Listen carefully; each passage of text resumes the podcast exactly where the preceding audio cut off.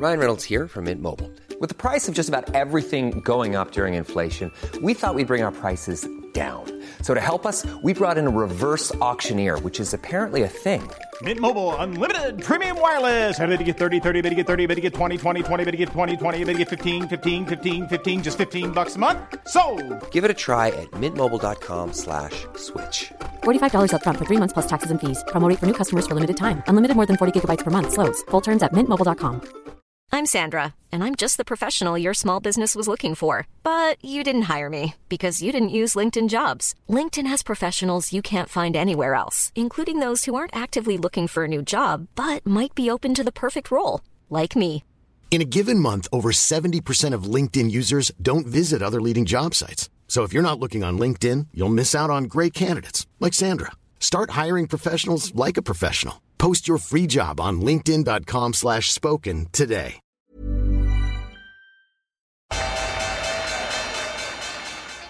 They mistook leverage for genius. Leverage for genius. I would recommend Japan. The governments don't rule the world. Goldman Sachs rules the world. Velkommen til episode 159 av podkasten 'Tid er penger', en podkast med Peter Warren. Jeg heter Sverre og er produsent, trykker på start og stopp, stiller noen spørsmål til Peter og deltar av og til i diskusjon. I dag har vi uhorvelig mye stoff som vi har notert ned. Vi er kommet til linje 400 i regnearket, eh, som vi bruker for å sette opp. Så vi prøver å ta tak i mest mulig. Vi prøver å utnytte vårt format som er spørsmål og svar, for å få sånn enkelte ting som Peter kan svare på, eh, kjapt og greit. Og så kommer vi også til som vanlig å sende ut nyhetsbrevet når vi er ferdig. Så eh, nyhetsbrevet kommer til å være tjåkfullt av ting. Så hvis du ikke abonnerer på det, så er det gratis. Og det er på tiderpenger.no nyhetsbrev, så får du det tilsendt med episoden. Men jeg tror bare vi går rett i gang. Vi har så mye å snakke om, og du vet nå sjøl, krypto og alt mulig. Det er masse galskap som har skjedd. Uh, og siden det er så mye, så går vi bare på spørsmål og svar. Og vi fikk det første spørsmålet av en lytter i forrige uke, en godteriimportør av alle morsomme ting. Og eh, han sier at kronekursen han, han, eh, han må forholde seg til, og den, eh, at den er så variabel, gjør at han må legge på 15% ekstra margin. Og det han lurer på da, er Bryr ikke eh, Norges Bank seg lenger om krona? Jo, det, altså, det tror jeg sikkert de gjør, men vi må også da se liksom, hva er det som foregår i øyeblikket. Og nå for tiden så selger jo uh, Norges Bank ca. 2 milliarder kroner om dagen.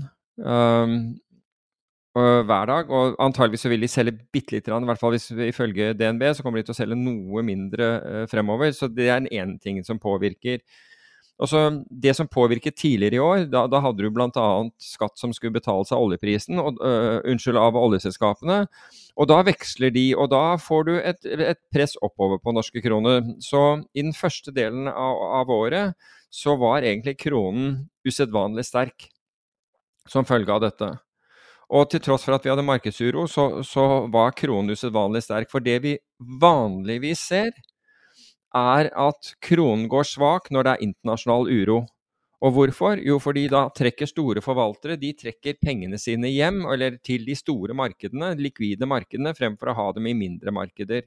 Så selv om vi har en globalisert verden, så, så vil man se skifter, altså kapitalskifter. Og hvis de da f.eks. trekker seg ut av Oslo Børs for å dra pengene sine hjem, så vil de da naturlig nok selge kroner og kjøpe eh, den valutaen som, som, de befinner seg i, altså hovedvalutaen deres, om det er i euro eller om det er i, i dollar, men det er vel stort sett disse to valutaene det vil gå ut, utover. Så vel vitende om disse kapitalstrømningene, så vil jo også de i valutamarkedet, altså de som opererer i valutamarkedet, kjenne til disse mønstrene og følgelig også selge kroner. Så mens vi ble hjulpet veldig mye mot inflasjonen ved at kronen var så sterk tidligere i år, så vil nå effektene av at kronen har gått en god del svakere, begynne å slå ut. Så nå kommer vi til å se det på inflasjonstallene. og Dette har vi snakket om for øvrig på podkasten tidligere. Etter hvert som vi så kronen begynne å svekke seg, at nå kommer vi til å se dette i inflasjonstallene. Og det var jo, Kronen var vel omtrent på topp da den var ikke helt det, den hadde allerede begynt å svekke seg, men, men effektene hadde ikke kommet ut. Men vi vil se det, det i økt eh, inflasjon. Så dette er rett og slett hvordan valutamarkedet opererer. Og Norges Bank vil neppe fatte tiltak, ut, altså ikke-kommersielle tiltak, med mindre man får en veldig stresset situasjon, som, som vi gjorde under covid. Da kom Norges Bank på banen og sa de ville støtte, kro støtte kronen, og så, var, og så, trakk spekulantene seg, seg unna, fordi de, det hadde ikke lyst på. Og så, og, og så styrket kronen seg uh, altså da, da, kjøpte de tilbake kroner de var short osv., og, og så roet hele greia seg, seg ned. Men det er, det er, vanlig i anførselstegn at når det er uh, svakhet i finansmarkedene, at også kronen svekker seg. Og så vet jeg at det er de som vil argumentere men ja, men det, høy oljepris er bra for Norge osv. Ja, det er helt riktig, men allikevel så har vi en, en, er valutaen vår uh, regnet som liten. Og hvis, det, og hvis store fond skal, uh, skal f.eks. ut av, av, kroner, så får, en, får det en stor virkning. Og da tenker jeg på store kapitalforvaltere som GSAM, altså Goldman Sachs Asset Management, UBS og disse. Hvis de plutselig bestemmer seg for at nå skal de endre på porteføljene sine, så, så kjennes det i valutamarkedet. Så det er ikke så rart at, at kronen er, er, er, svak i øyeblikket. Det er, det er konklusjonen. Eh, forrige torsdag fikk vi et spørsmål som handler om den amerikanske renta på tiårige statsobligasjoner. Og den eh, fra topp til bunn var ned så mye som 0,4 prosentpoeng. Og da er spørsmålet enkelt, hvordan er det mulig med den inflasjonen vi ser nå? Jo, altså Jeg tror at det skjer fordi eh, at hvis vi, hvis vi, ser til begynnelsen av året, da hvor, hvor eh, amerikanske tiåringen eh, omtrent ikke hadde rente, da, hva var det, 3 kvart prosent rente eller 1 prosent rente eller et eller annet sånt, så, da, så er vi nå ja, litt, eh, litt, over 1% rente, så har vi nå en rente over 3% Det betyr at karakteristikaene til obligasjonene eh, begynner å, å, å, å, snu. Rett og slett fra å være en, en, en, et sted du kunne ha penger, men som du ikke ville få, eh, ikke ville få avkastning på, til et, til et, sted nå hvor du kan ha penger hvor du får avkastning. 3% er jo vitterlig mye lavere enn inflasjonen i USA, men nå men i forhold til å risikere dem på aksjer, så, så kan det være at 3% er bedre enn å se minus 10% i aksjer f.eks. Det, det, er det er ikke en spådom, men, men, frykten er der ute i øyeblikket. Og jeg nevnte at jeg, at jeg var med på en, en, en gallup, eller en spørreundersøkelse på hvor, jeg, hvor tror jeg at vi vil se kjøping av amerikanske tiåringen.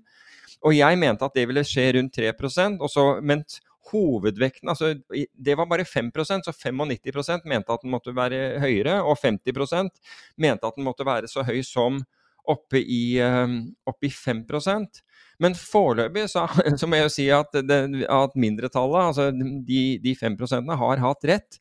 For vi har sett kjøping i, i, i dette området. Og jeg tror rett og slett at det er porteføljetilpassing. De som sier at hei sann, vi har for, for, lite obligasjoner i forhold til, til, aksjer. Aksjer dominerer porteføljen vår for mye. Det er den ene. Og det andre er fra rett og slett de som ikke ønsker aksjerisiko i øyeblikket, og som da selger seg ut av aksjer og, og går til obligasjoner. Så det, det er den type flows jeg tror vi ser. Og hvis du skal se på tiåringen fra fra bunnen i forrige uke og, og bunn til topp i forrige uke, så tror jeg det var 2,3% den beveget seg. Nå snakker jeg om kursen. 2,3% steg, steg den. Så hvis du har fått med, med, deg det, så gjorde du det veldig mye bedre enn en, en om, om, du satt på aksjer, for å si det på den måten. Jeg tenker Når vi først snakker om statsobligasjoner, så kan vi kanskje si at eh, når du snakker om renta, så er det renta som i dette tilfellet amerikanske staten må betale til eh, långiverne. Også når vi snakker om uh, den endringa som var, så var det endringa den renta. Men det du omtalte her på slutten, var da handlingskursen, som da tar utgangspunktet i 100. Ja. Og, um, uh, så, sånn at det, det, fungerer jo litt annerledes enn en aksjer. Ja, i dette tilfellet så var, så var det en stigning fra ca. 118 til 120.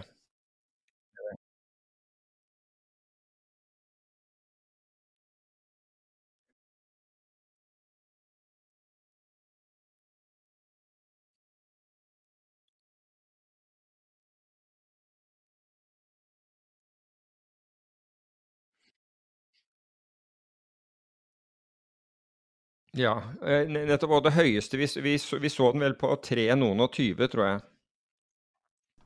Videre til neste. Uh, hvordan uh, Vi snakka så vidt om stablecoins på fredag i en timeslang episode om, om, krypto og alt som har skjedd den grusomme uka. Og Da toucha vi bl.a. borti én type kryptovaluta som har amerikanske statssertifikater som backer det. Og da har vi fått et spørsmål om uh, er det, og hvordan er det mulig for dem å påvirke kursen på amerikanske statssertifikater? Jo, altså Generelt så behøver ikke stablecoins å gjøre det, men det fins en av de store stablecoinene som består da av 50% amerikanske statssertifikater. Altså det er, det er tilsvarende obligasjoner, bare veldig mye kortere løpetid, garantert av den amerikanske stat. Så den har 50 eh, av backingen bak en Altså en stablecoin er jo ment å være helt, helt stabil. Og en av de andre store stablecoin, er, der er én stablecoin er lik én dollar. Og hver stablecoin som er utstedt, har da en dollar bak seg. Så har du den, andre store, og nå, dette er ikke av de, av, de, av de, som imploderte i forrige uke, bare så det er sagt. Den andre har da amerikanske statssertifikater, 50% Og så har den hva vi kaller commercial paper, altså, øh, og det er kortsiktige sertifikater utstedt av, av, av bedrifter. Og, øh, og, og CD-er, altså Certificate of Deposit, bak seg. Det som er utfordringen her, det er når i det som du, du nevner, når alle disse stablecoinene, eller i hvert fall den Luna, faller fullstendig fra hverandre, uh, som er en helt annen sak, men uh, jeg vet ikke om vi skal komme inn på det, men la meg bli på, på, på det temaet det er spørsmål om. Uh, det, det, som skjer der, er at man blir engstelig. altså De som sitter på, på denne stablecoin som er bakket av amerikanske statssertifikater og commercial paper, de begynner å selge. Og når de da selger disse stablecoinene, så, så kjøper, kjøper marketmakere disse og, og tender dem, altså og, og, veksler disse om til amerikanske statssertifikater. Uh, da må, for å få, få, dette til å bli dollar, så må da statssertifikatene selges. Så den sitter på, på stort antall statssertifikater, men jeg tror det omsettes bare så det er sagt, ca. 150 milliarder dollar i statssertifikater om dagen. Men når det er, når det er enkelte eh, statssertifikater eh, som det går på, altså man kjøper statssertifikater med ulik løpetid, eh, så, så, blir disse solgt. Og det de gjør er, og dette går tilbake igjen på markedsstrukturen vi har nå. Tidligere så ville du aldri sett dette påvirke, altså da bankene var som, sto som marketmakere før finanskrisen. Store banker med store balanser sto som marketmakere av slike sertifikater. Ville du ikke sett det, en bevegelse i det hele tatt.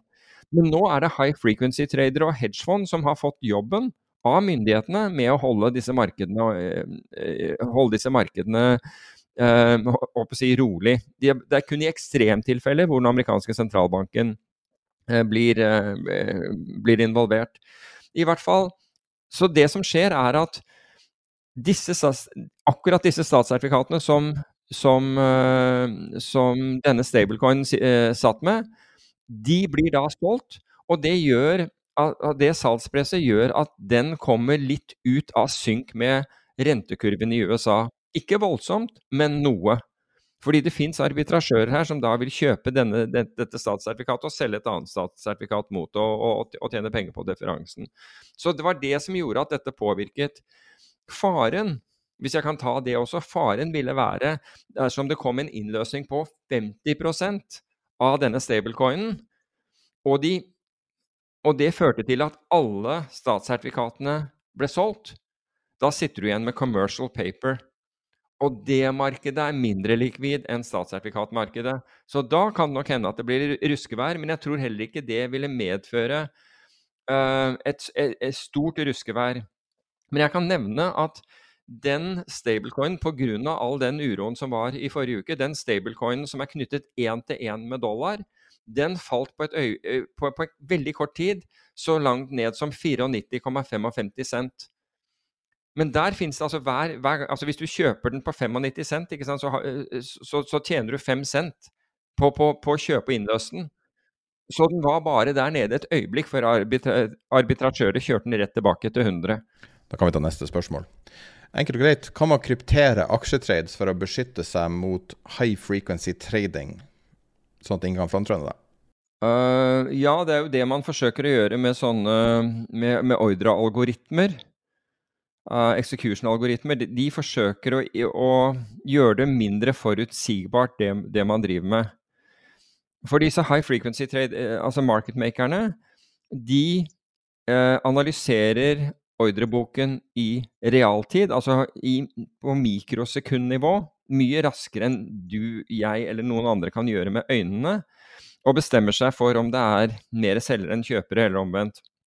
Og så flytter de prisene sine eh, deretter. Fordi det de gjør, altså det en sånn high frequency market maker gjør, det, det er ikke en ondsinnet bot i utgangspunktet, men den, men den er der fordi det, er det myndighetene ville ha. Altså de tok bort, eh, de, de tok bort eh, alle som hadde balanse, eller tidligere hadde balanser til å stille priser og kunne sitte med inventar. Og overlot da dette til high frequency marketmakere som er, og, og hedgefond til å stille priser i nesten alle markeder. Og, det, og, dette er aktører som ikke har tenkt å sitte på inventar i det hele tatt. De har, de har ikke balanser til å gjøre det. Det betyr at de på mikrosekundnivå analyserer ordreboken. De ser ikke på tall som kommer ut og, alt, og hva som skjer i økonomien. Det har, har de ikke tid til. Dette går mye fortere. Og ut ifra hvordan de ser ordreboken, så setter de da hva de mener er en fair value, altså hva som er riktig pris, riktig matematisk pris i øyeblikket, og så stiller de selgekursen sin over og kjøpekursen sin under.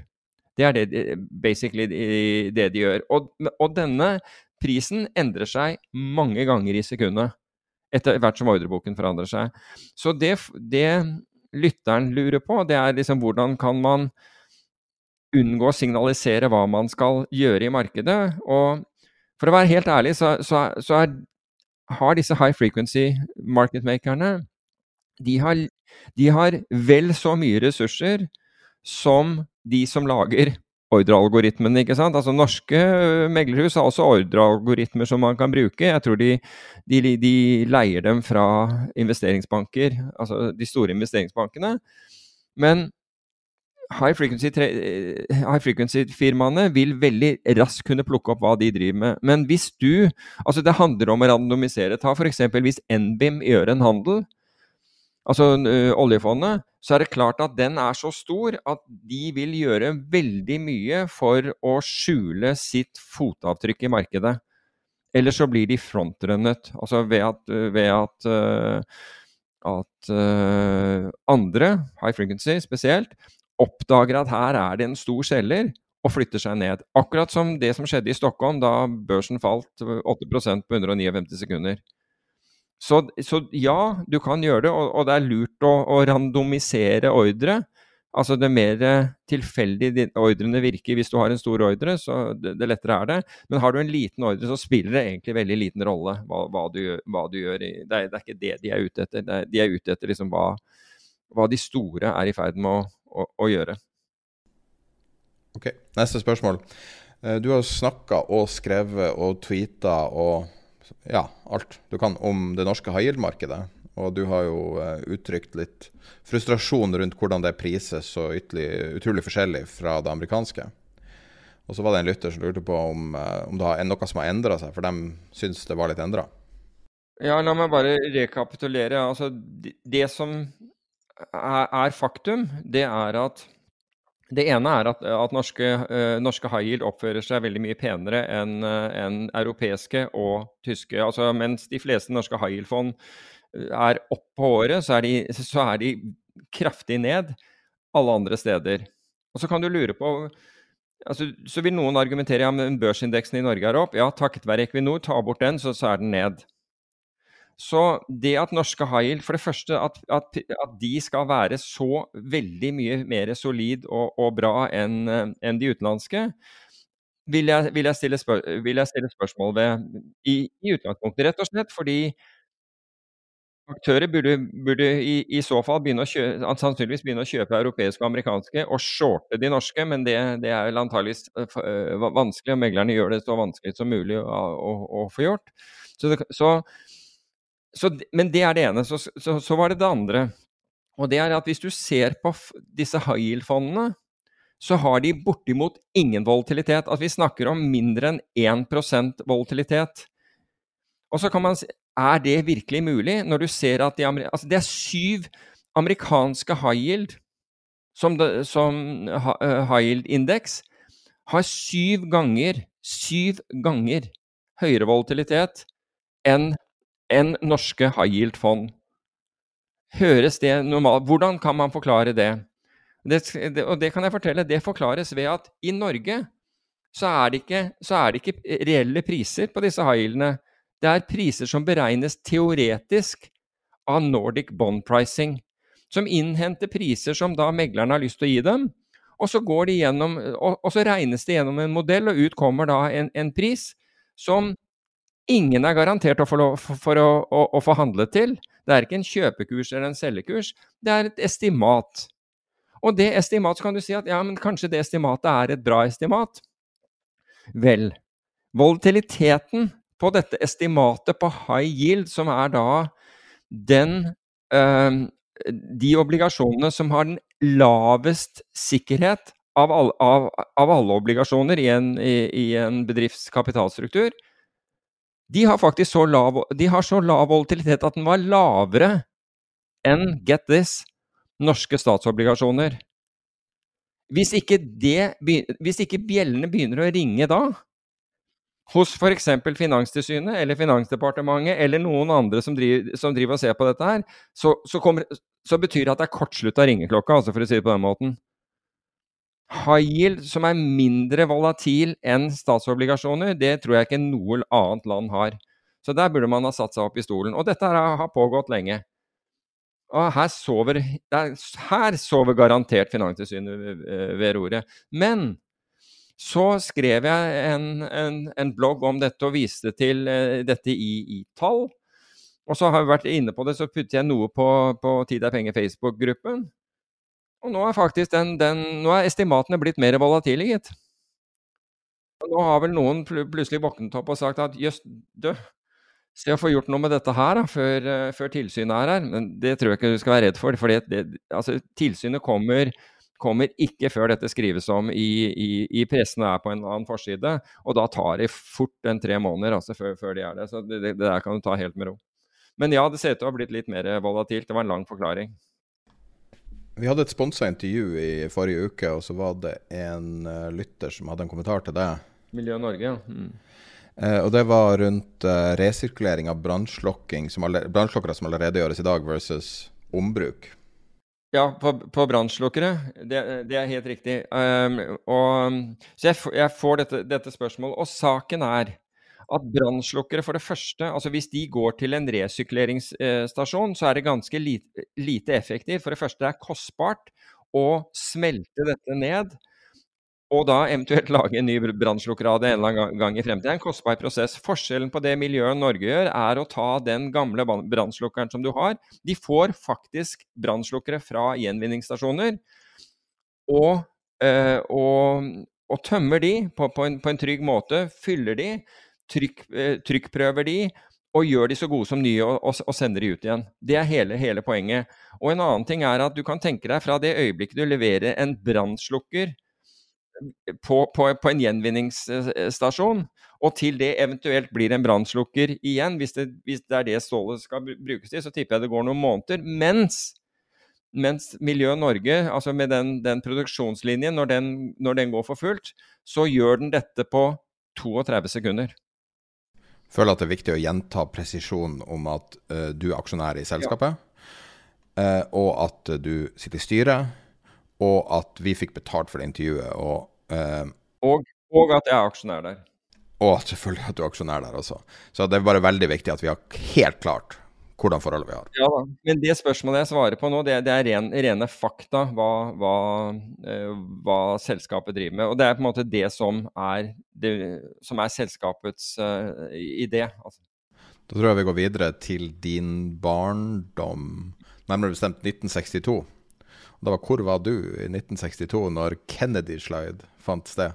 Det omtalte jo at uh, det som skjedde i Stockholm nylig med det fallet, hadde skjedd før, fordi at det var et børsfall i 62. Hvor var jeg da? Altså Det eneste jeg må innrømme at jeg husker fra 1962, og det, og det er spesielt fordi det var eh, Altså, det var at da, da satt jeg på min mors kontor på britisk ambassade, og det var i Glitnegården på, på Drammensveien den gangen, rett ved siden av UD og stemple og, og, hadde fått en jobb med å stemple noen rapporter eller noe sånt noe, og da var det 1962 som sto på stempelet.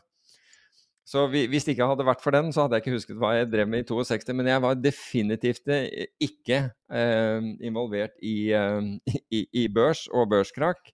Men det man, altså DN refererte til, 1962 og The Kendy Slide, det var en nedgang på litt over 20% som skjedde over seks måneder og kan ikke egentlig kalles en uh, Kanskje i de dager syns du det var en flash crash, men, uh, men, men hvis du sammenligner med, med, med f.eks. det som skjedde 10. mai i, i, i, i 2010, da, da, børsen falt 9,2 uh, altså amerikanske børsen falt 9,2% på, på noen minutter, eller den i Stockholm hvor, hvor det falt 8% for to uker siden på 159 sekunder, så tror jeg ikke du kan, du kan sammenligne. Men, te, men, poenget til DN var at man kunne ikke finne noe årsak til dette. Men jeg skal love deg at i 1962 var børsen ganske manuell, også i USA.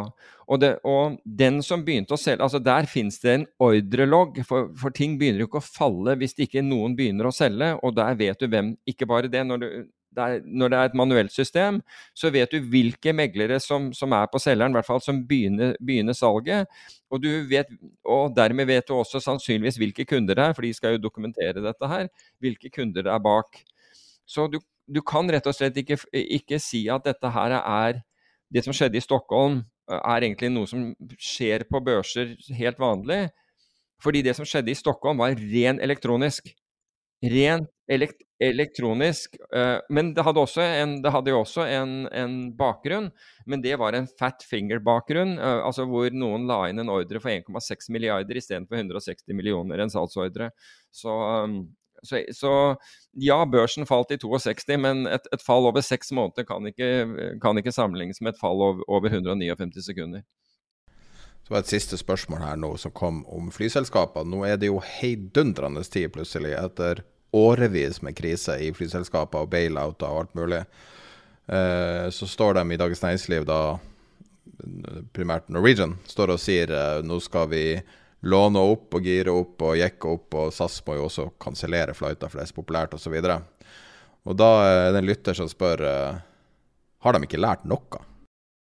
Ja, altså det, de virker som de er veldig høye og mørke på seg selv, men samtidig så snakker man om at uh, for Flyrs del at uh, hver, hver, hver, flytur taper de penger på. Så, jeg, så at, no, at, Norwegian har, klarer å, å, å, kjøre dette her så utrolig smooth. Men jeg hører jo erfaring av, av folk som har, som har fløyet Norwegian nå det de siste året, eller egentlig år, lenger enn det, hvor de mener at kvaliteten har gått voldsomt ned på det. Men altså, det, det, beste å spørre er vel deg. Du har jo akkurat fløyet Norwegian, har du ikke det? Jo, jeg fløy til Spania. Ja, hva var, hva, var hva var, din, take på det? Jeg skulle beskrive til noen hvordan det var å eh, reise ut fra Torp til noen. Og jeg, jeg dumma ut og bestilte ut fra Torp og inn til Gardermoen. Torp er, er Sandefjord for øvrig, for de som ikke ja, og begge står oppført som Oslo, som jeg syns er borderline svindel. Altså. Jeg vet ikke, eh, Det beste beskrivelsen var egentlig den filmen uh, 'Jacob's Ladder', som var fra 80-tallet, eller noe sånt. som er, En veldig grusom, veldig paranoid. Uh, jorda Nei, livets, livets endelikt. Så Omtrent sånn føles det å fly fra Torp eh, med Norwegian. I hvert fall var min opplevelse da. Og det var veldig mye frustrerte folk der. Men de har innført masse sånne rare nye systemer, sånn A, B og C bl.a. for når du sjekker inn. Og det er ingen forklaring gitt, men du får veldig mye kjeft, og det er veldig klart for kjeft. Og du får nesten vilkårlig plassert. Så jeg og søstera mi fikk forskjellig, f.eks. For og um, det var veldig mye negative følelser. Mm. Og um, det virker som litt på meg som at Norwegian nesten har gitt opp på å bygge merkevare. Nå er det uh, nå, nå, skal de skvise penger ut av folk liksom, med hver eneste sjanse. Men egentlig så ender de bare opp med å kjefte på det. Og uh, jeg vet ikke. Det, det, det, føles ikke som Norwegian fra gammelt av. og det var i, blant annet På flyplassen i Spania så var det ei som sto igjen der og sto med gråten i halsen. og så, Det så ut som, en, så ut som at hun hadde fått beskjed om at noen hun kjente, hadde dødd. Mm. Og eh, så sto hun der, og hele problemet var at hun hadde en trillekoffert, en bitte liten trillekoffert, men fordi det ikke var en ryggsekk, så passa det ikke inn som den ene type håndbagasjen. Og deres svar var å true henne med å la stå igjen i Spania. En ung jente. Altså, her er jo ikke sånn du bygger merkevare, det sier seg jo sjøl. Og det at jeg sitter og forteller deg historien, er jo selvfølgelig ikke bra for dem. Og alle har sånne historier med Norwegian. Før i tida så var det Ryanair som hadde de historiene. Ja. Så, så Norwegian er blitt Ryanair squared, eller? Ja, de er kanskje det. Jeg vet ikke. Jeg har jo vært kjosfast to ganger tidligere, hvis du husker det begrepet. Og uh, Nei, jeg vet ikke. Det, det, virker på meg som er veldig underlig. Nå når det endelig løsner, skal du stå og krangle med folk om 100 kroner. Jeg forstår det ikke i det hele tatt. Altså, jeg syns jo altså For mange år siden nå, eller si fem år siden, så syns jeg det var, var, veldig bra. Fløy det mye så i 2015 og 16 og 17, tror jeg, og opp til 18. Så da fløy jeg jo regelmessig med dem og, og, og syntes det var bra. Men, men jeg, på et eller annet tidspunkt så, så, merket jeg også jeg at det der begynte å endre seg. Og, og ikke minst så var, jeg, var, det et problem med at det alltid var, var forsinkelser. Og, så, og, da, og når du flyr i, flyr i jobb, så, det, så, kan du liksom ikke komme til et møte halvannen time etterpå. Det, så da ble det mer at jeg, jeg skjønner Det var noe no, det var, Men det skal også sies at jeg fløy mye på London. Og da var jo Da, da viste det seg at jeg, jeg, trodde at SAS alltid var dyrere på, på London, men det var faktisk ikke det. Altså, da, det, ved flere tilfeller så var SAS billigere enn Norwegian. Og det gikk stort sett på rute, så, så jeg fant ut at det der, det der Jeg orket ikke mer. Jeg vet ikke, men det, det som var så rart, var at selve produktet, hvis det er flysete og flyet og mat og sånne ting, det var bra. Selvfølgelig var det bra. Det er jo, Norwegian er jo trygt selskap og nye fly. Og, altså det er jo bare bra. God plass i setet og ikke noe trangt for beina og sånn. Men det var liksom innstillinga som virka å være veldig dårlig. Den tingen som er gratis. Og det er jo kanskje litt tegn på at, at de ikke er så fornøyd, de som jobber der. Og så den følelsen jeg fikk, var så negativ. Så jeg sitter liksom og tenker på det lenge etter jeg har kommet tilbake. På noe som man vanligvis glemmer. og jeg tenker når jeg, jeg, kjøpte en gang en sånn luksusgave når jeg var student, så hadde, da, var, da, var, det ikke så mye så luksus i, i, Norge, så det var veldig sånn nytt å se en Hermes-butikk. Og Da husker jeg kjøpte et sånt skjerf til søstera mi. Og når jeg kjøpte det, det var billigste de har på Hermes og så når jeg kjøpte det, så fikk, satt jeg igjen med en følelse som jeg levde på i mange dager. Sånn, liksom, følte meg bare liksom worth it. Og um, og, og, og, det her er den inverse av det, da, men de her følelsene her, det, det er litt sånn signifikant. Um, man skal være litt forsiktig med uh, med sånn merkevare og begynne å, fremprovosere veldig sterke negative følelser. Men det er nå bare en casual observasjon.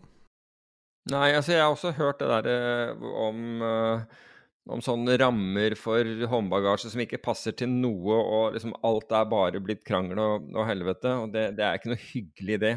Det er jo ikke noe hyggelig å starte, verken om du er på jobb eller heller ikke på ferie, om liksom det, det, begynner med en kjempekrangel og Nei, det koster 1600 kroner hvis du skal ha den med, og nei, hold opp. Ekstra. Da var vi ferdig med raske spørsmål og svar. Skal vi gå mer inn på CryptoQuake? Eller tok vi nok på fredagen på Patreon? Jeg vet ikke om Altså, det som har skjedd, er jo på en måte at alt det Altså, det har jo skjedd en grundig oppvask innenfor krypto, men det har det jo innenfor hele teknologisektoren. Altså Hvis du tar hele Nasdaq, og så sier folk, jeg hører folk sier ja, det, nå ser du hvordan det går når, vi, når du, hvis man investerer i noe som er ikke-regulert. det er jo Nasdaq-aksjer og ARK-aksjer, altså ARK-selskap, som har falt like mye som krypto. Så jeg skjønner ikke helt hva de Og det er regulert. Jeg, jeg føler ikke at den biter så mye. Men det som jeg føler har vært noe som, man, noe som burde ha skjedd mye tidligere, var at alt det derre tullet Altså Dogecoin, Shiba Inu, ting som var ment som spøk, og som alle sier dette er bare tull. Og så driver folk og kjøper og kjører opp verdiene til, det, til titalls milliarder. At, de, altså at ikke det har implodert tidligere. Og det, altså det du har, du har, kryptovalutaer med utility, altså type bitcoin og, og ether, da, bare for å ta, ta de, de, to som er liksom sånn top of mind. Og så har du ting som er bare laget som en spøk. Det sier seg selv. Men, altså, og hvorfor disse spøkene fikk lov å ha en, en, en, en sterkere utvikling enn de kryptovalutaene som faktisk kunne gjøre noe, er liksom uforklarlig. Men det, alt dette her kommer egentlig fra sentralbankinnsprøytning, hvor man liksom oppfordrer til villere og villere spekulasjon, hvilket markedet gjorde. Og så trekker man det bort, og så, og så, gjelder, og så kommer Isaac Newton på banen igjen. Da kommer tyngdekraften. Ferdig med det. Artig eksempel med Isaac Newton. Han ble jo blakk og døde blakk pga. South Sea Bubble. Ja, det vet jeg. Det vet jeg. Det var eh, litt av en ironisk hendelse. Var ikke det South Sea Company? South Sea Company, det er riktig. riktig. South Sea Company. Ja, og han endte med, det vet jeg, han endte med å, kjø, å, å, å kjøpe seg inn igjen på, på, en mye, mye høyere kurs, og så var det over. Ja, da, da fikk han eple i huet, altså, rett og slett. Ja, det er vel kan vel sies å være litt ironisk at mannen som oppdaga eller beskrev tyngdekraft, ble så til de grader ramma av, av tyngdekraften i markedet. Ja. Men det er litt Men det er jo altså, altså Isaac Newton og John O'Neill John O'Neill uh, som var i FBI, ikke? Som, som var den som advarte mot uh, 9-11, og som ender med å slutte i, i, uh, i FBI og blir ny sikkerhetssjef i, i, akkurat World Trade Center, og blir da drept i anslaget. Altså, du kan jo ikke Altså, hva Det er helt vanvittig. Det er helt vanvittig. Men, uh, men, men, jeg vet ikke om vi har noe add to the crypto quake. Jeg har faktisk en ting. Um, ja, kom igjen. Hvor mye tror du denne internettspøken Dogecoin har blitt handla for de siste 24 timene? Ingen peiling. Ingen. Vi kan ta, vi kan ta en sammenligning, da.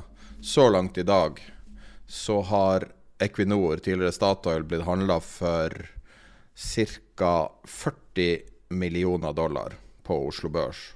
Så du har noe å så du har noe å sammenligne med sånn størrelsesmessig. Hvor mye tror du Dogecoin blitt handla for?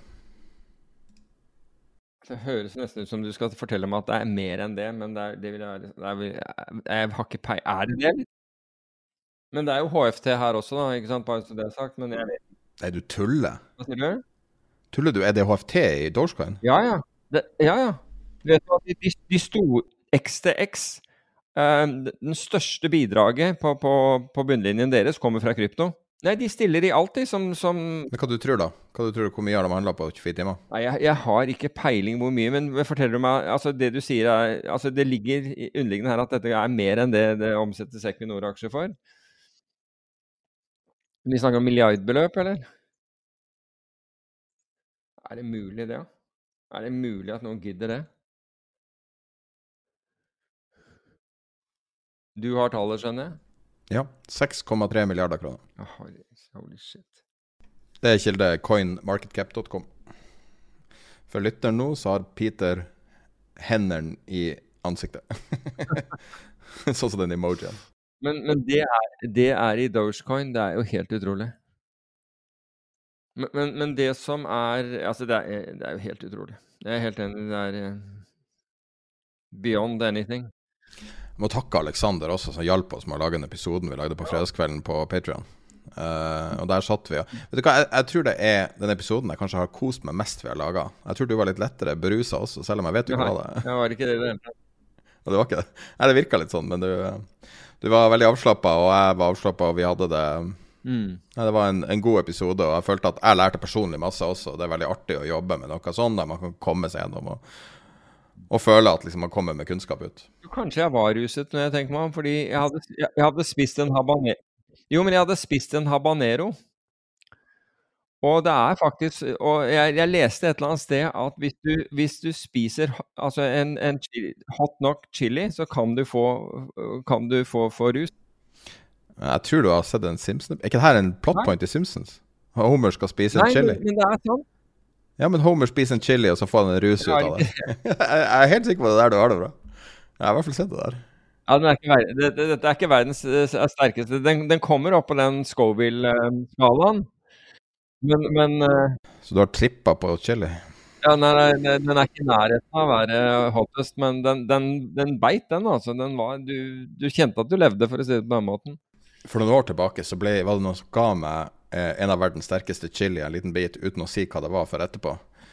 Men eh, jeg kom meg unna det. Jeg klarte å hive det ut og pimpa melk i hele kvelden. Det gikk bra. Ja, Det pleier, jo ikke å vare så langt, men jeg var, jeg var i utlandet, og, og, og, da var det en drink de laget der med hvor de hadde i, i, i chili. Og så spurte jeg, og så syntes jeg ikke det var så hot, og så sier vedkommende at de kan putte i noe av den lokale. Hvordan land var det? Nei, det var østover, for å si det på den måten. Og så puttet de i en kvart en, og det gikk greit. Og dagen etter så prøvde jeg med en halv, og det gikk greit. Og dagen etter, og nå var det så, dagen etter så tre kvart. Og nå kom det lokale for å se på, for å si det på den måten. Og så tok jeg liksom satsen opp og, og, og skulle drikke den der med en hel sånn chili oppi. Da fikk jeg the thousand yard stare, altså. Det kan jeg love deg. Da, da, da skjønte jeg at jeg hadde nådd, nådd maksen min, fordi da fikk jeg virkelig Jeg hadde the thousand yard stare. Jeg kunne ikke si noe, jeg bare stirra ut i, ut i uh, intet. Det var voldsomt.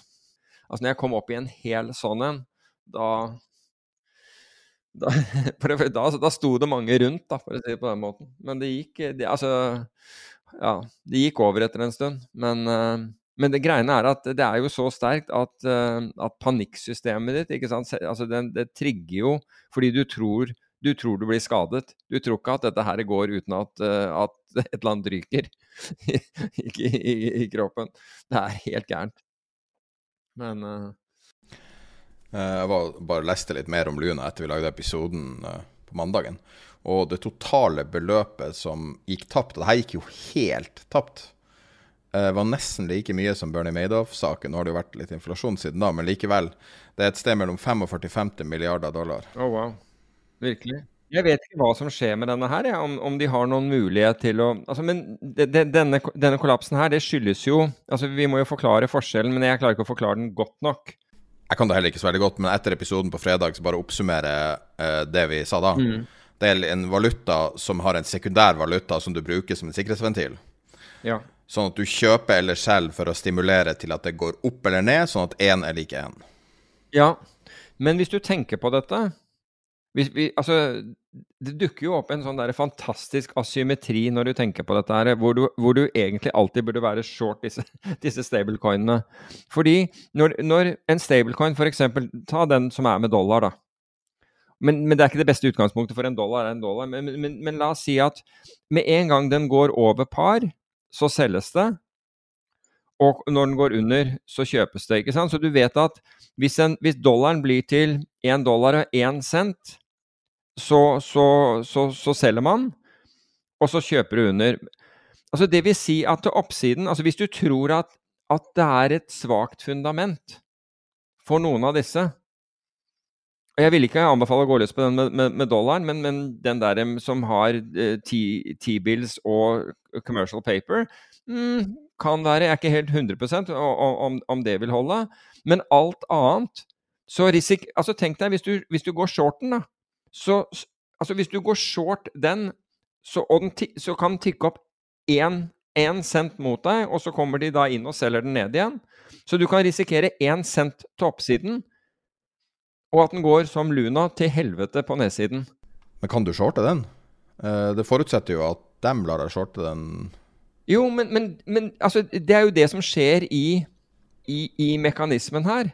Så hvis du, hvis du har anledning til å selge en stablecoin, short med å stille sikkerhet, så, så for det første burde du ikke måtte stille mye sikkerhet, det er nummer én. Og det andre er at tenk deg, hvilken, altså tenk deg hvilken asymmetrisk trade du har her. da. Den ene, altså den kan ikke gå særlig høyt, men den kan teoretisk sett implodere. Og nå så vi at i praksis så kunne den også gjøre det. Altså Hvis du finner en tilsvarende stablecoin der ute som ikke er funded én til én, f.eks. Med, med, med, eh, med dollar, så er det jo egentlig så, så, bør man jo seriøst hva slo meg nå? Seriøst begynne å tenke på om, om, man kan shorte dem. Fordi du har, så, du har en risk reward her som er helt fantastisk. Det, jeg sier ikke at det skjer. Det kan være andre stablecoins der ute, men uh, nå, nå, var ikke jeg smart nok til å se denne Jeg, jeg forsto heller ikke at, at, at, du har dette her frax. Det var en, en lytter som, som uh, sendte meg noe. Frax, som betyr fractional algorithmic. altså Det er akkurat det den, den stablecoinen var. Istedenfor, altså, og den skal bruke en algoritme for å holde dette her i, i par, men den, den, Det er jo helt utrolig at folk putter penger i en stablecoin uten å nøyaktig vite det, hva, hva, hva, som gjør denne stable. det var jo så mye penger i denne at det var helt sjukt, jo. Ja, når du sier det, så jeg drev og prøvde å undersøke og se hvor mye nordmenn som eide det her. Det er en norsk aktør som har promotert det, og i tillegg har de gått via en utenlandsk aktør. og uh, Lite data, men det ser ut som det er dessverre en del. Oh, ja. for, øvrig så, for, øvrig så, har Galaxy en uh, Galaxy har en, en, en, uh, en webkonferanse i, i, i, kveld klokken ti som jeg er invitert til å høre på, som dreier seg om dette. Sjefen i Galaxy har jo vært helt stille siden det skjedde. Og han har jo både Luna-tatovering og det ryktes om at han har masse eksponering. Ja, det, ja, det får vi sikkert høre om på, på, på, den, på den, Ja, og så har han jo selvfølgelig tatovering som ja. indikerer hvor, hvor, eksponert han er. Og uh, i tillegg så han grunnleggeren av uh, Luna, Do Kwan, han uh, kalte dattera si Luna under en måned før det skjedde. Ja, ja, jeg har sett han et par ganger. Han er ikke akkurat ydmyk, for å si det forsiktig. Men, men nok om det. Skal, skal, vi bare innom den derre hvor, hvor amerikanske finanstilsynet nå har, har, strammet opp reglene rundt SPAC og, an, og ansvarliggjort meglerhusene på en helt annen måte i forhold til hva disse SPAC-ene inneholder, og hva de skriver og hva de anbefaler rundt disse Special Purpose Acquisition, acquisition Companies? Ja, gjerne. Du må gjerne introdusere temaet også, for jeg, jeg vet faktisk ikke hva det dreier seg om. Ja, altså, da, som sagt, Det amerikanske finanstilsynet har da sett på at dette her ikke fungerer. Det, det, har vært, det har vært noen, noen, noen, skandaler rundt dette. Og så har det jo liksom vært noen sånne merkelige greier som at Bill Ackman starter en SPAC, og istedenfor å finne et, et, et, et, selskap som man da skal kjøpe billig og børsnotere, fordi man har SPAC-en klar, så skulle han kjøpe et børsnotert selskap, og da falt jo det fra hverandre. Da begynte jo folk å si hva er dette her for noe? Det har vært mye rundt SPAC-en, og det har vært mye rundt eh, ikke, ikke minst den dwack til, eh, til, til, Trump. Men det morsomme var signalet som, som Fed ga. Nei, unnskyld, SEC ga, nemlig at nå skulle man begynne å ansvarliggjøre meglerhusene i forhold til, i, i forhold til den propagandaen. Og det umiddelbare effekten, vet du hva det var? Goldman Sachs og Citibank slutta med Spax. Ferdig snakka. Takk for oss. Ansvarlig? Ansvarlig? Nei, det, det er ikke oss. Vi drar. Det er litt sånn ekko av fortida når du sier det sånn, altså. Goldman var jo eh, partnerskap siden stiftelsen. Ja. Og så når det ble børsnotert, så, så endra alt seg um, risikomessig. Det var jo det som kom ut i den boka 'Money and Power', som han Cohen skrev. Og han forklarte jo hvordan hele miljøet og systemet forandra seg mm. når, når, de begynte å, å, gamble med andre sine penger. Ja.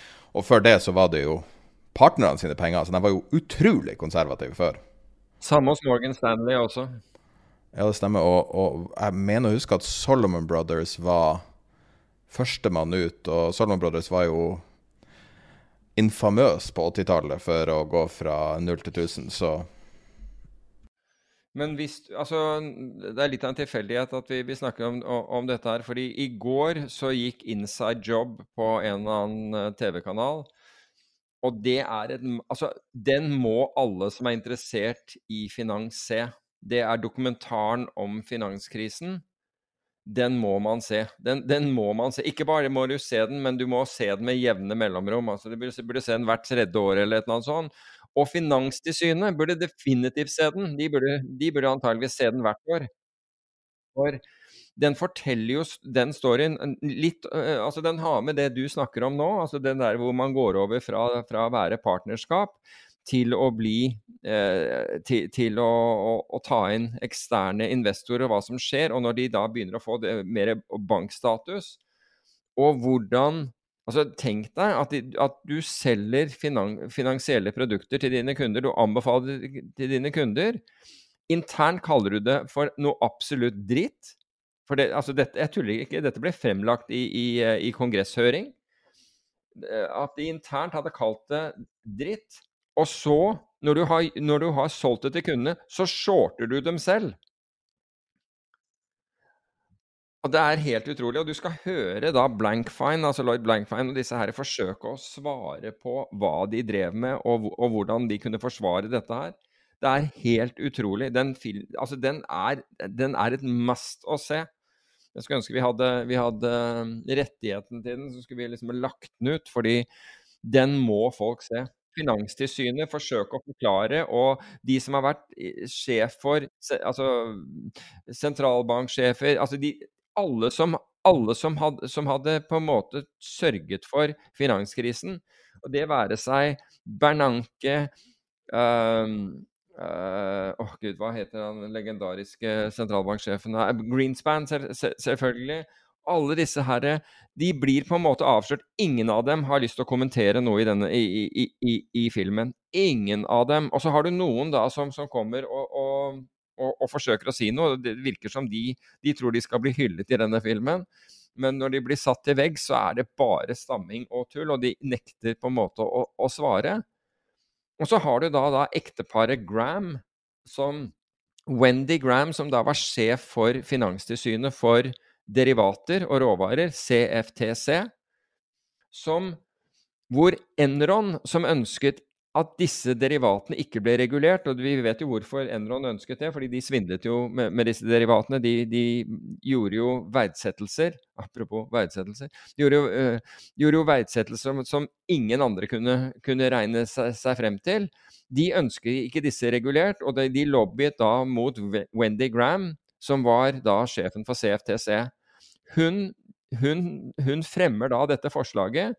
Og ting som swapper Vi snakket jo om Archegos og total return-swappene som han hadde, og som, som gjorde at hva var det Kreditt tapte? 6 milliarder dollar, og jeg husker ikke hvor store disse banktapene var. Gikk nedenom og hjem. Hvorfor ikke disse var regulert? De ble deregulert da. Og så slutter Wendy Graham i Finanstilsynet og tar jobb som styremedlem i Endron. Og de viser så mange av disse som kommer fra tilsyn, og der tror jeg det er snakk om at 30% av folk eh, fra tilsyn plutselig havner i, over i investeringsbanker. At det er helt utrolig. Det er, det er en helt utrolig historie. Um, narrated av, av, Matt Damon, for de som, uh, de som hører dette her på Ja, det tror jeg ikke blir Du må jo høre den på engelsk.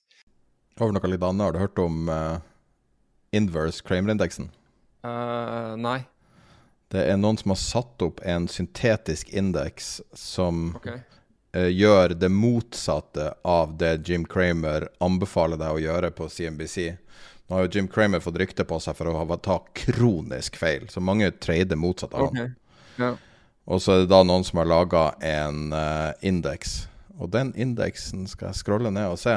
Den er opp, jeg tror det er 11 Uh, over, langt, altså over ganske mange år. 11 årlig. Um, ja. På å gjøre det motsatte av Jim Cramer? Oh, wow. Ja, ja um, 11,1 okay. Og uh, det virker å være ganske proft, og, og, de har sharp ratio 06. Bank of America har også publisert en indeks som uh, hadde litt spesielt Er det noe du ser? Du virker så distrahert. Jeg bare ser en, en, en seilbåt som er i ferd med å gå på grunn her. Såpass, ja. ja uansett. Uh, Bank of America har et sånn inflasjonstemperaturmåler som måler to forskjellige parametere. Mm. Og det har de jo fra mange ting. Og begge er 100 av 100 i en skala som går fra minus 100 til pluss 100. Så det sier jo sitt. Ja, ja, jeg så den derre AAII hadde jo Altså den uh, Hva heter det for noe? Association of uh, American Investors eller et eller annet sånt. Den var jo den hadde jo vært Men den var ikke så ekstrem for, i, i, forrige uke. Den er jo faktisk litt greedy. Så mens jeg har, jeg har sett andre snakke om at de ser sentimentet rulle over og bli mer negativt. Men det er tydelig at flere rapporter fra fra credible sources indikerte at det var ekstrem pessimisme der ute nå. Du føler jo ikke den i Norge pga. høye gasspriser og oljepriser og alt det, den, den biten der. Men i det minste så var strømmen billig denne helgen. Var nede i ni øre. Ja, Jeg fikk med meg det. Hvor mange sånne vitser var det du, var det du sendte meg nå i helga om alt du skulle gjøre med Alt du skulle gjøre med den billige strømmen? Nei, Jeg tok den første varme dusjen siden, siden januar. Det var jo hyggelig, det, da. Uh, nei. Det er uh, Men det var det, altså ni, ni, øre. Holy shit. Men nå er det mange som prøver å fange kniven i markedet, ja. Mm. Og det, vi har et litt samfunnssvar å minne på at selv om du får en og annen god dag, så er det historisk sett de beste børsdagene kommer midt i et børsstup, eller fall. Å ja. Ja ja, for all del. Så er jo enkelte sektorer blitt ramma vesentlig hardere enn andre. F.eks. Uh, teknologi og, og, krypto er jo uh, uvanlig hardt ramma. Helt, helt opplagt i de sektorene har det jo vært helt voldsomt. Men dessverre så kan noe som har falt 90 falle nye 90% Ja, alt er mulig. Altså, du så jo Nasdaq i, i, i, i 2001. Det, altså det ligner jo veldig mye på altså På mange måter så ligner det veldig på det med, med, med teknologien. altså Det som skjedde under dotcom. Så hvis du ser på, på, på dotcom, så, så kollapset da, da, teknologiaksjene. Og da sto jo alt det andre ganske rolig en god stund før, før, før det også ga etter.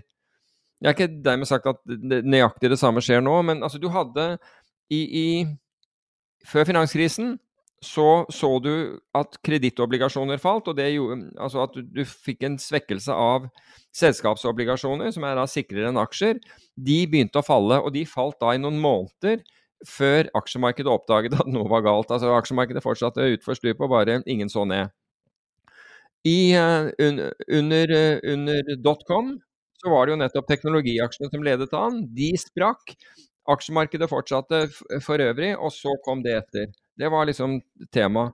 Så i, den, i dette tilfellet, i, i nå i, i, 2022, så har vi da sett eh, selskapsobligasjoner internasjonalt, altså euro, europeiske, amerikanske, eh, svekke seg fra i fjor. Altså begynte, begynte fallet i fjor. Mens, eh, mens her, Og så kom aksjemarkedet etter. Så det er egentlig Det er, det er forbausende likt, da. Ja, det er et godt poeng. Det føles egentlig ganske likt som .com. Og, og dem som er gammel nok til å huske den nærmere krisa, finanskrisa, så var jo det ganske grunnleggende annerledes økonomisk krise. Mm. Og um, jeg vet ikke, hvis du tenker på hva det er som allerede har skjedd, en ganske betydelig deleveraging, altså reduksjon av av giring på en måte som har skjedd i markedet. Så samla sett så er det jo f.eks. ikke masse arbeidsledighet og masse sånn. Det har gått tålelig bra så langt. Vi vet egentlig ikke, altså vi kan ikke slå fast hvordan, hvordan deleveraging vil, vil ut, utarte seg. Men samtidig så har vi en, en, del andre utfordringer i økonomien, ikke minst da voldsomt stigende priser. Inflasjon som langt, langt overstiger rente. og og prognoser på at rentene skal, skal, stige. Du ser jo allerede tegn, mener jeg, på at uh, konsumenten begynner å bli mindre positiv. Og hvis, hvis de, som, de, som, kjøper varer og tjenester blir mindre positive, så slår det ut i økonomien. Har spareraten gått opp? Det skjedde jo under korona. Jeg har ikke sett om sånne ting. Hva det vil jo bety, det? Ja, det er, det er nok Nei, jeg har ikke sett på, på, på, på spareraten. Uh, men, men, jeg har sett nettopp det der at folk velger alternative varer eller sier at nei, det, nå er det, for, det der er for dyrt, vi kjøper ikke. Så det er klart at hvis det begynner å dra på, så, så ser du det veldig i økonomien. Og, og, og, det er jo det. Altså rentemarkedet sier jo det. En tiåring på under 3 med, med en inflasjon på 8,5, det, liksom, det gir jo ingen mening. Det gir ingen mening. Så rentemarkedet, altså obligasjonsmarkedet, som er eh, ganske fremoverseende, forteller jo at det kommer en oppbremsing. Ja. Nei, og så er det jo eh, Det kan jo komme veldig fort, fordi at um, det kommer nye sentralbankmøter og nye rentehevinger. Og du hadde han um, Siegel, jeg tror det er Jeremy Siegel han heter, som var på CNBC og lufta en idé uh, som uh, kan være signifikant. Han sa jo at han trodde at uh, siden 75 basispunkter nå er av bordet av Powell, så begynte han å si at plutselig at ett prosentpoeng, et fullt prosentpoeng renteheving, som er nesten, nesten, u, nesten uhørt, det er sånt som skjer i Tyrkia og sånne land, uh, at det kanskje var på bordet. Eh, og så kan man heller ikke undervurdere CNBC sin rolle i samfunnet liksom, med sånne her intervjuer. Altså, det, det, blir tatt på alvor. Jeg tenker tilbake på eh, Tea Party-bevegelsen. Ble jo bokstavelig talt stifta pga. en rant fra en av de programlederne som sto og snakka om uh, han hata skatt og ditt og datt. Og så, og så ble det til Tea som ble direkte til Donald Trump. sånn at hva som blir sagt på CNBC, er ikke nødvendigvis insignifikant. Ja, det vil jeg voldsomt. Men, men, jeg tenker jo at, at prisstigningen, i, prisstigningen, i, seg selv vil ta seg av, uh, vil ta seg av, dette, uh, av det økonomiske De økonomiske utfordringene vi, vi, vi står overfor. Altså det, jeg, jeg, føler at hvis du drar på med rente nå, så, så akselererer du problemene og gjør de mye verre. Så jeg, jeg, tror at sentralbanker helt sikkert vurderer å tenke på, altså med en prisstigning som er så sterk, på, på um, også, også, som følge av lønninger for tiden. Altså lønninger det er, det er, um, det er all, drivstoffpriser og osv. Så, videre. så strøm, ikke minst. Altså Når du ser på USA, så, så tenker jeg at her, dette her tar altså prisstigningen du, du, trenger ikke renteoppgang oppå dette. Her er det jo allerede så mange faktorer som indikerer at en oppbremsning at, at å, få rente Altså renten blir nærmest en straff oppå dette. Apropos det, når du så da de fremlegge statsbudsjettet i Norge og det var ganske gledelig ting, fordi nå har de akkurat annonsert, i hvert fall Oslo kommune, at man skulle sette opp bomavgiften fordi man, man, skulle, fordi eh, man skulle forbedre kollektiv, altså man skulle øke kollektivtilbudet. Men, mens i, i, statsbudsjettet så sier de at de skal redusere kollektivtilbudet. Men jeg kan garantere deg én ting. Jeg absolutt garanterer at jeg har ikke tenkt å, å, gå fra den der hvor de skal heve, heve bompengene for det. Altså. Ja, men kan du si noe? Hva du syns om det ekspansive statsbudsjettet sånn generelt? Vi lever jo i en verden der vi eh, omtrent frykter Weimar-republikken 2 og mellomkrigstida. Hva du tenker om, om stå stort budsjett? Altså, jeg, ja, jeg, jeg, ser ikke på eh, altså, Jeg reagerer som de fleste økonomer at, uh, at det, det, synes risikabelt i den situasjonen vi, vi, vi, befinner oss i, rett og slett. Jeg har litt problemer med nesten å skjønne hvor alle pengene ender opp her. Jeg bare merker at veldig mye går ut. ja, det gjør det. Så, og det, er derfor jeg sier at jeg tror, det er, jeg tror den kostnadsveksten vi får, den, bremser, den kommer til å bremse økonomien. Du trenger ikke å ha voldsomme tiltak i, i tillegg for å bremse økonomien. Den bremser seg selv nå. Den vil bremse seg selv. Og hvis du er bekymret for Uh, for uh, gjeldsvekst og spekulasjon eller noe sånt på, på grunn av, av, at det er stor forskjell mellom renten og inflasjonen, hvilket det er, så får man heller, får man heller regulere kredittilgangen. Jeg skjønner egentlig ikke at, at man ikke har, har, vurdert det. altså Rett og slett bremse kredittilgangen, gjøre, gjøre, det vanskeligere å, å, å, å låne penger. Men tror du de vil det, å bare drepe all vekst, er ikke det en helt garantert killer på vekst? Da får du bort en del av boligspekulasjonen. Tror du de gjør det frivillig? Ja, det tror jeg egentlig. Hva hvis boligmarkedet ryker nå? Det vil være krise. Jo, men ja, det, jeg vet ikke. Er, eh, men, men, poenget mitt er at hvis du ønsker å dempe det, så kan du dempe det på andre måter enn enn å øke renten. Jeg tror vi begynner kanskje å gå mot uh, slutten av episoden, men uh, før vi gjør det, så tenkte jeg bare å oppsummere nyhetsbrevet litt. Jeg sender det ut uh, når episoden går ut, så er det Vi hadde så mye research. Vi har 400 linjer på det regnearket vi bruker for å, å samle opp eh, linker og alle mulige rapporter. alt vi har. Så, så, det er mer enn nok innhold. Så eh, det blir å ligge med i nyhetsbrevet. Hvis du ikke abonnerer på det, som er gratis, så er det tiderpenger.no nyhetsbrev. Hvis du syns denne diskusjonen om spesielt krypto og stablecoins var litt for kort og, og svak, så kan du høre en mye lengre episode som vi la ut på fredagen på Patrion. Og det er vår, bak vår betalingsmur. Og det er tiderpenger.no skråstrek Patrion. Nei, jeg bare så en liten nyhet nå hvor eh, det tyder på at forbruket ikke er kanskje så går like fort ned som jeg trodde, fordi Porsche etablerer norsk selskap. Datterselskap sammen med en importør. Nå er godt tima når den nye el-Porscha stiger 300 000 i, med det nye statsbudsjettet. Nice. Fy faen. Det er jo helt sjukt. Altså, sånn, altså, men der har jo til og med MDG gått imot, fordi det er, en, det, er en, det er en korrelasjon, det er en sammenheng mellom pris og rekkevidde. Så hvis du skal ha folk til å, å flytte over til elbiler, så, så, vil de jo gjerne ha litt rekkevidde også. Det er bare Nei. Det er akkurat denne her skjønner jeg ikke mye av, men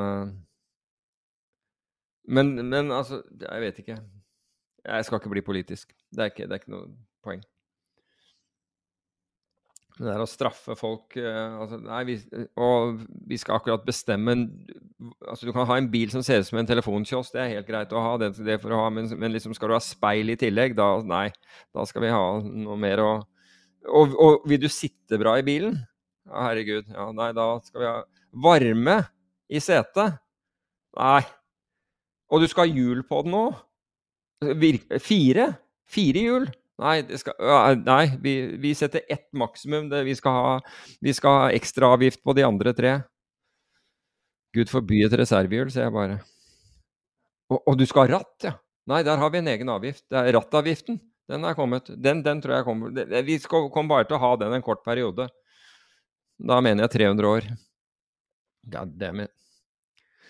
Metallakk? Are you kidding me? Rart du skulle nevne det. Der har vi, der har vi 700% avgiftsøkning. What the fuck. Sorry. Ja jeg, vet, jeg, jeg, vet, ikke hva det er med skatt og strøm, altså. Det, det får deg til å skru på eh? Til å bla opp i vitseboka. det river. Det gjør det. Altså. Det er veldig merkbart òg, for å si det på den måten. Det er enda bra at du kan kompensere med den inntekten fra din framtidige comedy special på HBO eller noe sånt. Fra hva for noe? En comedy special du skal lage. sånn, ja. ja riktig. ja. ja. Veldig bra.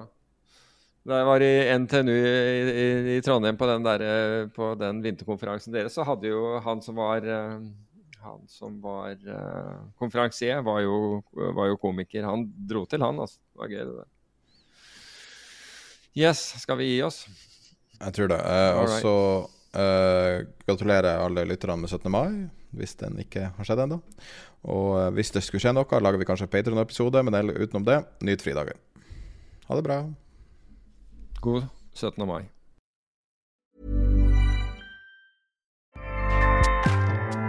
ACAST powers the world's best podcasts. Here's a show that we recommend. The Real Housewives is a guilty pleasure for most, but if you're looking to not feel guilty about that pleasure, tune in to Everything Iconic with me, Danny Pellegrino, where I break down all the messy moments and behind the scenes antics of Bravo's popular franchise. And on Everything Iconic, I also interview celebrity guests like Kelly Ripa, Kiki Palmer, Drew Barrymore, Cameron Diaz, and more about their guilty pleasures, their past work, and so much more. So if you're pop culture obsessed and find yourself watching way too much reality TV like me, tune in to Everything Iconic with Danny Pellegrino wherever you listen to podcasts. ACAST helps creators launch, grow, and monetize their podcasts everywhere. ACAST.com.